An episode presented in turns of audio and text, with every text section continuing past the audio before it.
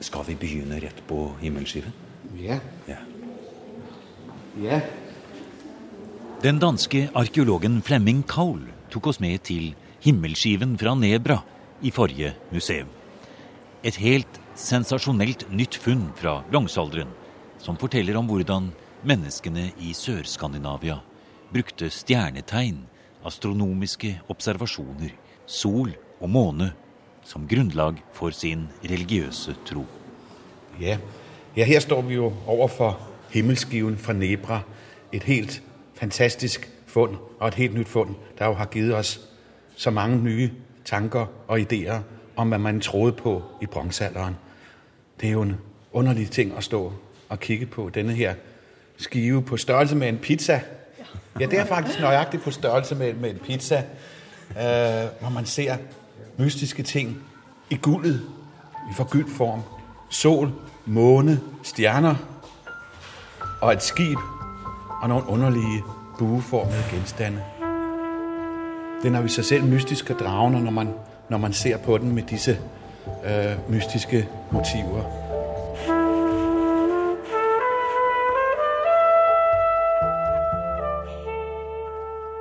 En 32 cm stor bronseskive, på størrelse med en pizza, som Flemming Kaul sa da han viste fram himmelskiven på utstillingen i Nasjonalmuseet i København. Der sto den i en monter ved siden av danskenes berømte solvogn, hesten som trekker solskiven etter seg. Solvognen har vært kjent i mer enn 100 år som det aller fineste funn fra nordisk bronsealder. Men nå er det himmelskiven som tar plassen som det mest fascinerende funn fra denne tiden. Og det er de magiske tegn i gull, som Kaul sa. Stjernetegnet Pleiadene. Syvstjernen, måne og sol og to horisontbuer som eksakt angir gradetallet for solverv til 82 grader. Alt i lysende gull mot en dyp grønnsvart bronsehimmel. Og så er det et symbol til på himmelskiven. Skipet som er på vei opp på himmelen. Man kan si at det er en lille uh, bærbar solnedgangs, soloppgangskalender vi her har med å gjøre. Så ikke alene ser vi altså uh, det her skip, for skipet det er jo regner vi med solskipet eller himmelskipet. Det mytologiske skip der uh, trekker solen over himmelen om dagen, og måske også hjelper solen gennem underverdenen om natten. Altså solskipet. Det er det, det er.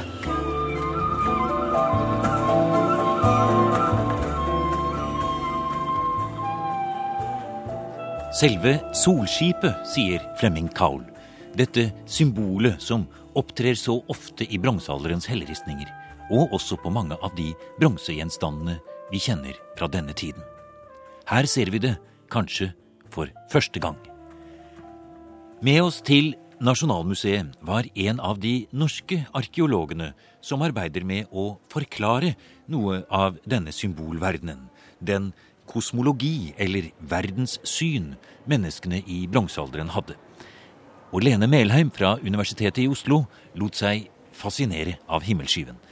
Ikke minst på grunn av de mange endringer denne fantastiske gjenstanden må ha gjennomgått. Ja, man kan se at det er eh, flere faser i, i selve ikonografien. At man i utgangspunktet så har det vært eh, jeg tror det var 32 eh, stjerneavbildninger. Eh, og denne rundingen som man tolker som solen, potensielt fullmånen, og eh, halvmånen.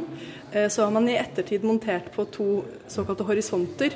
og De ligger og overlapper et par av de eh, stjernene som var der opprinnelig. Og en stjerne er også flyttet i den forbindelse. Det, og det er også særlig dette her med den påføringen av skipet som eh, har vært gjenstand for litt spekulasjon om hvorvidt det er her omkring 1600 før Kristus, det er jo da skiven er lagt ned, eh, at det er her man første gang ser skipet i forbindelse med solen, eh, som vi jo gjør så mange ganger videre i nordisk bronsealder. For det er jo veldig spennende med dette funnet, at her har vi helt konkret på samme gjenstand skipet og eh, stjernehimmelen, sol og måne. Mm. Vi har sett det på helleristninger, og det har vært mange som har foreslått at det er sånn det må være, men her ser vi det i samme gjenstand.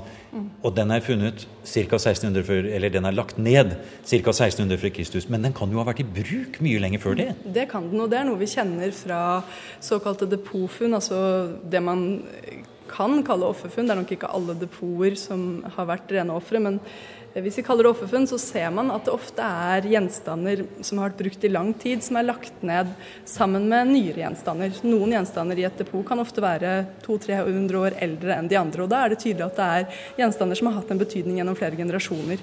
Og, Det er jo også et element i mange eh, religioner at eh, man må skape en overbevisning om at det man eh, den virkeligheten man eh, framstiller i det kosmologiske verdensbildet, at den eh, har lange tradisjoner. Hvor lang tid det har gått mellom den opprinnelige skiven og sånn som den ser ut i dag, det vet man ikke. Men det kan jo tyde på at det er en slags endring i oppfatningen av stjernehimmelen og konstellasjonene. Kanskje også kosmologien. Ja, det kan simpelthen være at den skive er blevet ændret på et tidspunkt, da man i virkeligheden ændrede konseptene for bronzealderens religion over hele Nordeuropa. At, øh, at på skiven ser man skibet bli introduceret i Nordeuropa. At det er, om man så må sige, næsten denne her skive er på en eller anden måde the missing link i introduktionen af solskibet i hele Europa. Her ser vi øh, solskibet blive placeret på skiven, og en ny religion er under fødsel på himmelskiven fra Nebra selv omkring 1600 før Kristus. For solvognen den er jo 200 år yngre. Ja, det er den. Der er, om man så må sige, den nordiske bronzealderreligion ferdiglaget ja. med alle dem symboler. Og der er det jo spennende å se, hvordan solvognen og himmelskiven, om man så må sige, spiller sammen, forteller den samme historie øh, som brødre og, søster. Fordi øh, noen spør, nogen, nogen, nogen spør jamen, jamen på, på, på himmelskiven, der ser vi jo skibet, og på solvognen, der ser vi hesten. Hvordan kan, hvordan kan det supplere hinanden? Og så vi siger, det kan det udmærket godt. Det er to sider af samme sag. Hesten markerer bevægelse, kan trække solen. Så hele tiden hest og skib arbejder fint sammen, og nu står himmelskiven og solvognen tæt sammen, hest og skib, og arbejder fint sammen i formidlingen af bronzealderens religion, således som hest og skib også arbejdede sammen i bronzealderen for 3000 år siden.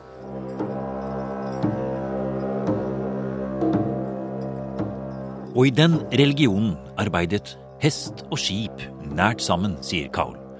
Og ikke bare hesten og solen, men også en fisk, en fugl og slangen som tar solen med seg ned i nattens rike. Hele denne fantastiske forestillingen, solens himmelreise fra daggry til solnedgang, har Flemming Kaul forsket på i lang tid. Ved å studere dekorasjoner på mange forskjellige bronsegjenstander og på nordiske helleristninger har Kaul funnet et mønster, så å si. Det er visse symboler som går igjen. Kaul har funnet bronsealderens bildebibel, som han sier. Og der er det fisken som først møter solen når den stiger opp av havet hver morgen. Ja, det er, det er avbildet først og fremst på uh, små bronsegjenstander hvor man kan faktisk kan se billederne og sætte det sammen som en tegneserie eller en lille billedbibel uh, udtrykt på bronzen. Og der er det første billede, som vi har, det er en fisk, der trækker solen op fra et skib, der er nedenunder, til et skib, der er ovenover.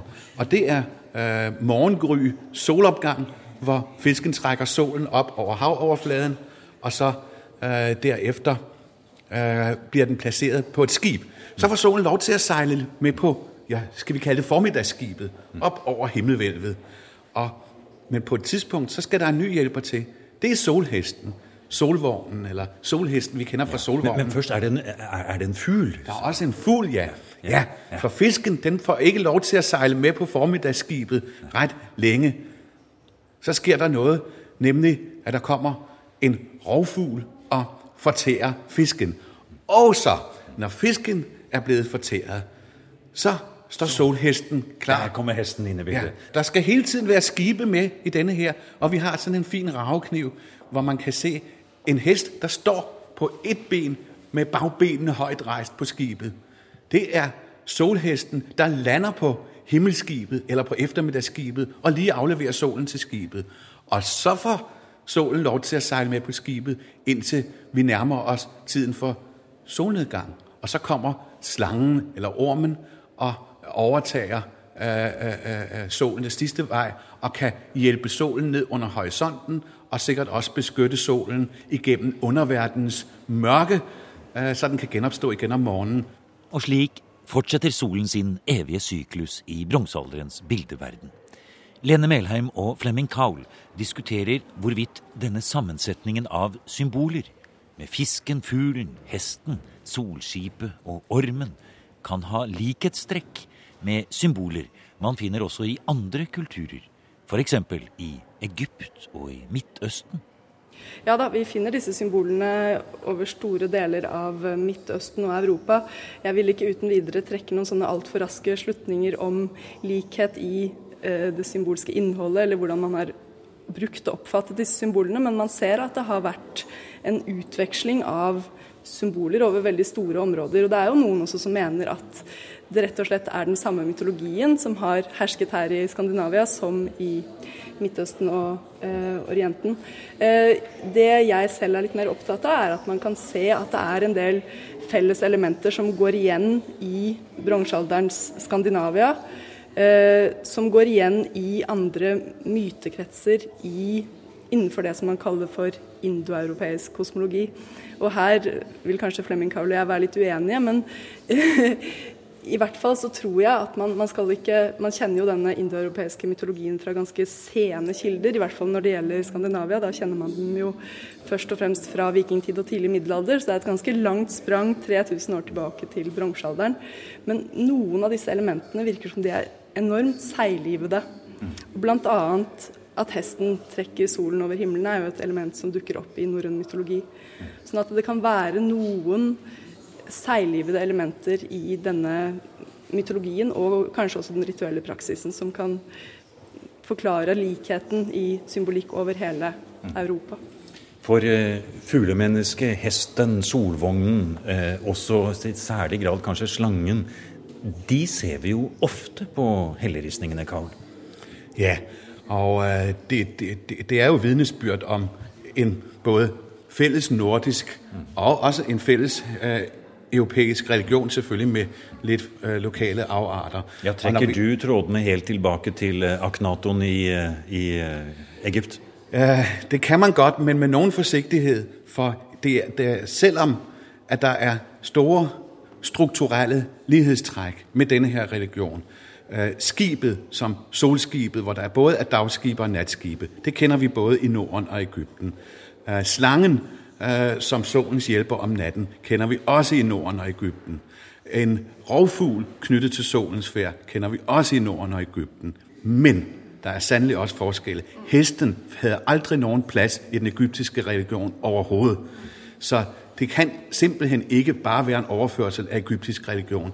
På den anden side er det påfaldende, at der er så store ligheder i elementerne, så man kan måske sige, at heroppe i nord har man haft kendskab til andre områders skikke. Og på et eller andet tidspunkt, da man kan sige, den nordiske bronzealderreligion blev skabt, der har der været nogle personer, der kendte verden, der kunne plukke elementer fra forskellige steder i verden. Hesten kan eksempel være plukket fra Grekenland, Grækenland, hvorimod slangen og noe av skibet kan være plukket fra Ægypten. Men vi må også regne med, at skibet i Norden hadde sin egen betydning øh, som transportmiddel, og især i Norden, hvor hver eneste dråbe av bronze, det her metall, der er så vigtigt, der kendetegner bronzealderen, skal bringes hertil over havet, over Østersøen og videre op over Skagerak, øh, så bliver skibet jo et symbol på velstand, forbindelser og alting. Og på et tidspunkt, måske fra en fremmed inspirationskilde, måske fra himmelskiven fra Nebra eller øh, andre steder, har man taget dette vigtige symbol, om jeg så må sige, og sparket det op på himlen og gjort det til det altfagende symbol, hvor skibet det står for, ja, det står simpelthen for alt transport og alt formidling overhovedet. Både på himlen, i den mytologiske, kosmologiske verden og øh, hos menneskene på, ja, på havet selv. På havet og på himlens bue sejler skibet.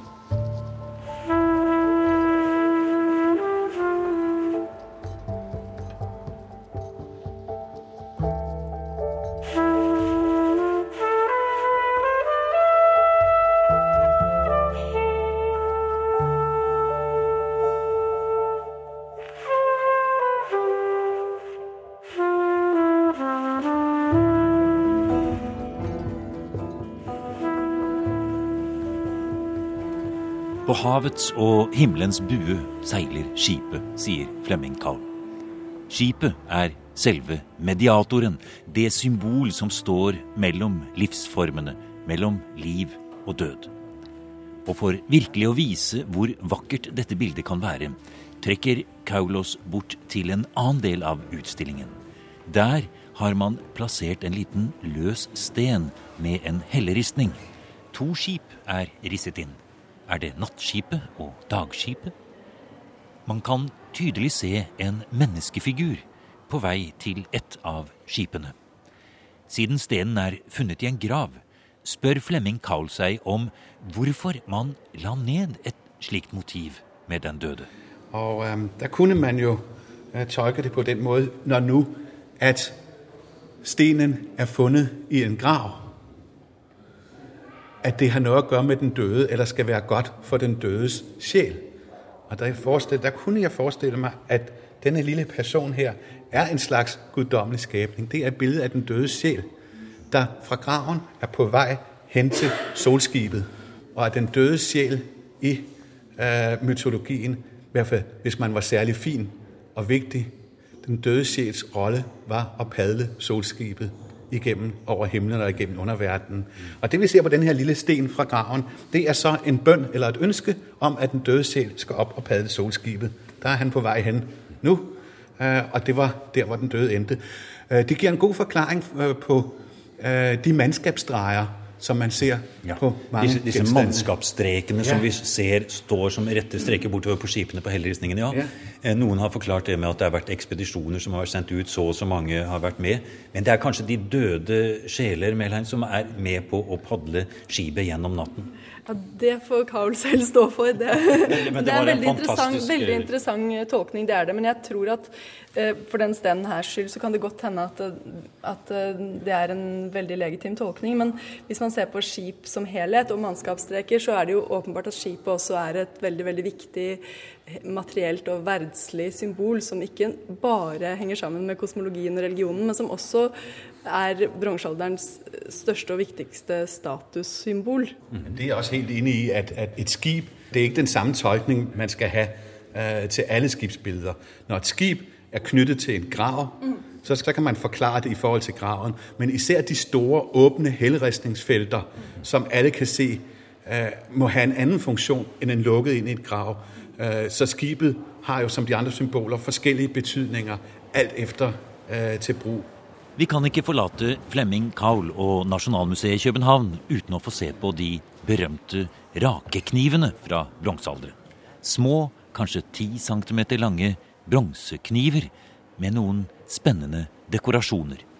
Og det er her Kaul finner sin bildebibel for bronsealderens mytologi. Det er på øh, de nordiske raveknive at vi best kan lese mytologien øh, om solens psykiske reise gjennom dagen og gjennom natten. Der har vi øh, en række raveknive, hvor man kan se forskjellige øjeblikke eller tidsforløb i solens reise. Det er der, vi kan se på raveknivene fisken, der trækker solen opp om morgenen fra natskibet til morgenskibet.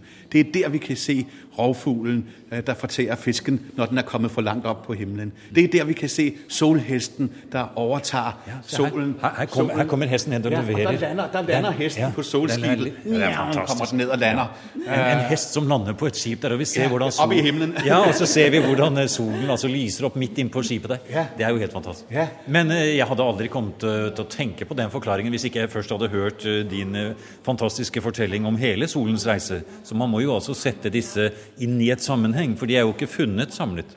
Nei, det vi står overfor stykker i den store mytologiske fortelling om solens reise.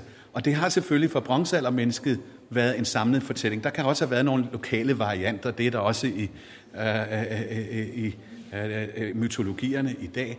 Men jeg forestiller meg faktisk at denne her ravekniv med, de, med disse religiøse symboler omkring solens rejse, at det var noe der ble givet som en gave til den unge mann etter han er blitt initiert uh, til, uh, til, til, til, det å være voksen. Bronsealderens konfirmasjon. Simpelthen, ja. Initieringen eller konfirmasjonen har alle uh, har alle folk, folkeslag, og det har alltid et religiøst islet. Det har det jo øh, også i dag. Og øh, når den unge, hvor, hvor den unge mand blir belært om religionens mysterier, om kosmologien, hvordan man skal oppføre seg, moral, etikk øh, alt det her lærer man jo, når man går til præst og skal konfirmeres. Og det gjorde man altså også i bronzealderen. Og som symbol på, at man nå var blevet voksen, så, øh, så, så, så fik man netop en genstand med hellige bilder, nemlig øh, ravekniven. Og så er det endda så praktisk, at når man er blevet konfirmeret, så rent fysisk har man sit brug for en ravekniv. Og øh, man, kan, man kan sige, for, for, for, for nogle år siden, der fik man i konfirmationsgave netop en barbermaskine og en billedbibel. Men i bronzealderen var det meget mere praktiske, fordi der kunne de slå billedbibelen og barbermaskinen sammen i en eneste genstand.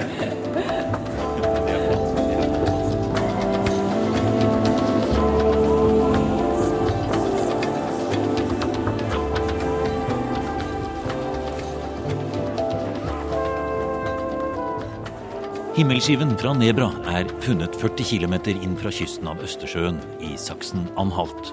Solen og skipet som mektige symboler i bronsealderen finner vi på helleristninger og bronsegjenstander i hele Sør-Skandinavia. Også her i Norge, sier Lene Melheim, som vel hjemme i Oslo inviterer museum ned i magasinet til Universitetets kulturhistoriske museum, til Oldsak-samlingens kjeller. Her slår du på lyset, og du har allerede tatt på deg hanskene nå, Lene. Ja, jeg må være forsiktig med disse gjenstandene. her. Jeg vil ikke ta på dem med bare fingre.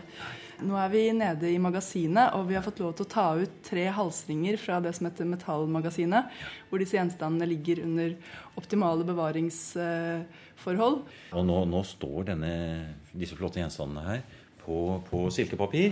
Her, på et uh, gammelt skrivebord Ja. nede i, i kjelleren her. Syrefritt papir. Ja. Ja. Og det er stort. Det vi ser på her, den er stor i størrelse også. Ja, dette er en gigantisk eh, halsring, som sagt fra yngre bronsealder. Og det er jo sånn man kan lure på om disse ringene har vært eh, båret av mennesker. Og det vet vi at de har, fordi de har slitespor på ringen som tyder på at de ikke bare har vært brukt én gang, men at de har vært brukt ganske regelmessig. Eh, Dette er da en såkalt halsring med ovale endeplater. En dreid halsring. Det høres jo veldig sånn klinisk ut, men eh, jeg kan beskrive den. Den har altså to store plater foran, og så har den en snodd ring som er, utgjør selve halsringen. Og eh, på toppen av disse platene foran så har den to store opprullede spiraler som er en slags lukkemekanisme. Men vi kan se på dekoren på platene her. Så ser du at det er veldig forseggjort eh, dekor. Det er ganske stilisert, men hvis vi ser litt nøye på det, så kan vi kjenne igjen noen eh, dekorelementer som vi ser gjennom hele bronsealderen. Mm. Og da er det dette skipet som går igjen på helleristninger og på dekor på gjenstander. Her er det to skip som ligger eh, mot Å, det er to skip mot hverandre. Det ene er opp ned, og det det andre er, ligger- det er på en måte speilvendt i forhold til hverandre. Ja, og så kan vi se her at eh, det også er andre eh, dekorelementer her. Det er disse konsentriske sirklene som vi også ser at går igjen på veldig mange gjenstander fra bronsealderen, og som eh, for så vidt kan symbolisere solen. sånn at hvis man har lyst til å gå inn på Flemming Kaul sin tolkning av solens gang på himmelen og dens forskjellige hjelpere, så, så kan vi her se et bilde av et skip som løfter fram solen. Ja, for, ja, nettopp fordi at disse, disse to ringene, som du sier, som står uh, midt i skipet, eller svever over skipet, for de ligger ikke nede på skipet heller, Nei. Det kan være solen. Ja, og det, det ligner jo på framstillinger som vi har på disse såkalte rakeknivene.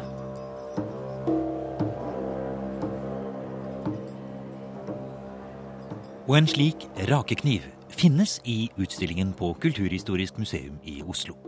I en monter full av flotte bronsegjenstander peker Lene Melheim på en liten barberkniv i bronse. Den er av akkurat samme type som dem Flemming Kaul viste fram i København og kalte bronsealderens konfirmasjonsgave. På kniven ser vi tydelige rester av et motiv. Det er helt sikkert et skip. Skipet ligger ned langs den skrånende nedsiden av rakekniven. Den følger altså knivens form. Eh, man ser også stevnen som går opp der. Veldig veldig tynne, fine linjer. Det, det kan man se der, ja. Man, man ser det er bølgedekor både faktisk oppå skipet og langs kanten Ja. på oversiden her. Og så ser vi videre bortover at den eh, ene stevnen fortsetter litt et stykke bortover her. Den er ganske, ganske stilisert. Og der dukker det opp én, to, tre, fire små konsentriske sirkler. Og noe under den også en større ring med tynne, tynne linjer. Og under den ene, den som er nærmest skipet, så ser vi en bitte, bitte liten fisk. Ah, da har vi altså skipet, vi har solen, og vi har fisken som leverer eh, da solen til eh, hesten som skal trekke den videre over himmelen. Symbolene de har vi, og de er felles. Og selv om vi i Norge sammenlignet med Danmark har veldig veldig få funn fra bronsealderen, så kan vi si at kvalitativt sett så har vi de samme funnene. Og vi har like rike funn, bare at vi har så, så mye færre av dem. Sånn at eh, det er nok på sett og vis det samme, samme kosmologiske uh, ideene som, som finnes her, eller fantes her. Du har nå hørt programmet Museum som podkast fra NRK. Museum sendes i NRK P2 på lørdager og søndager. Du finner flere programmer på nrk.no podkast.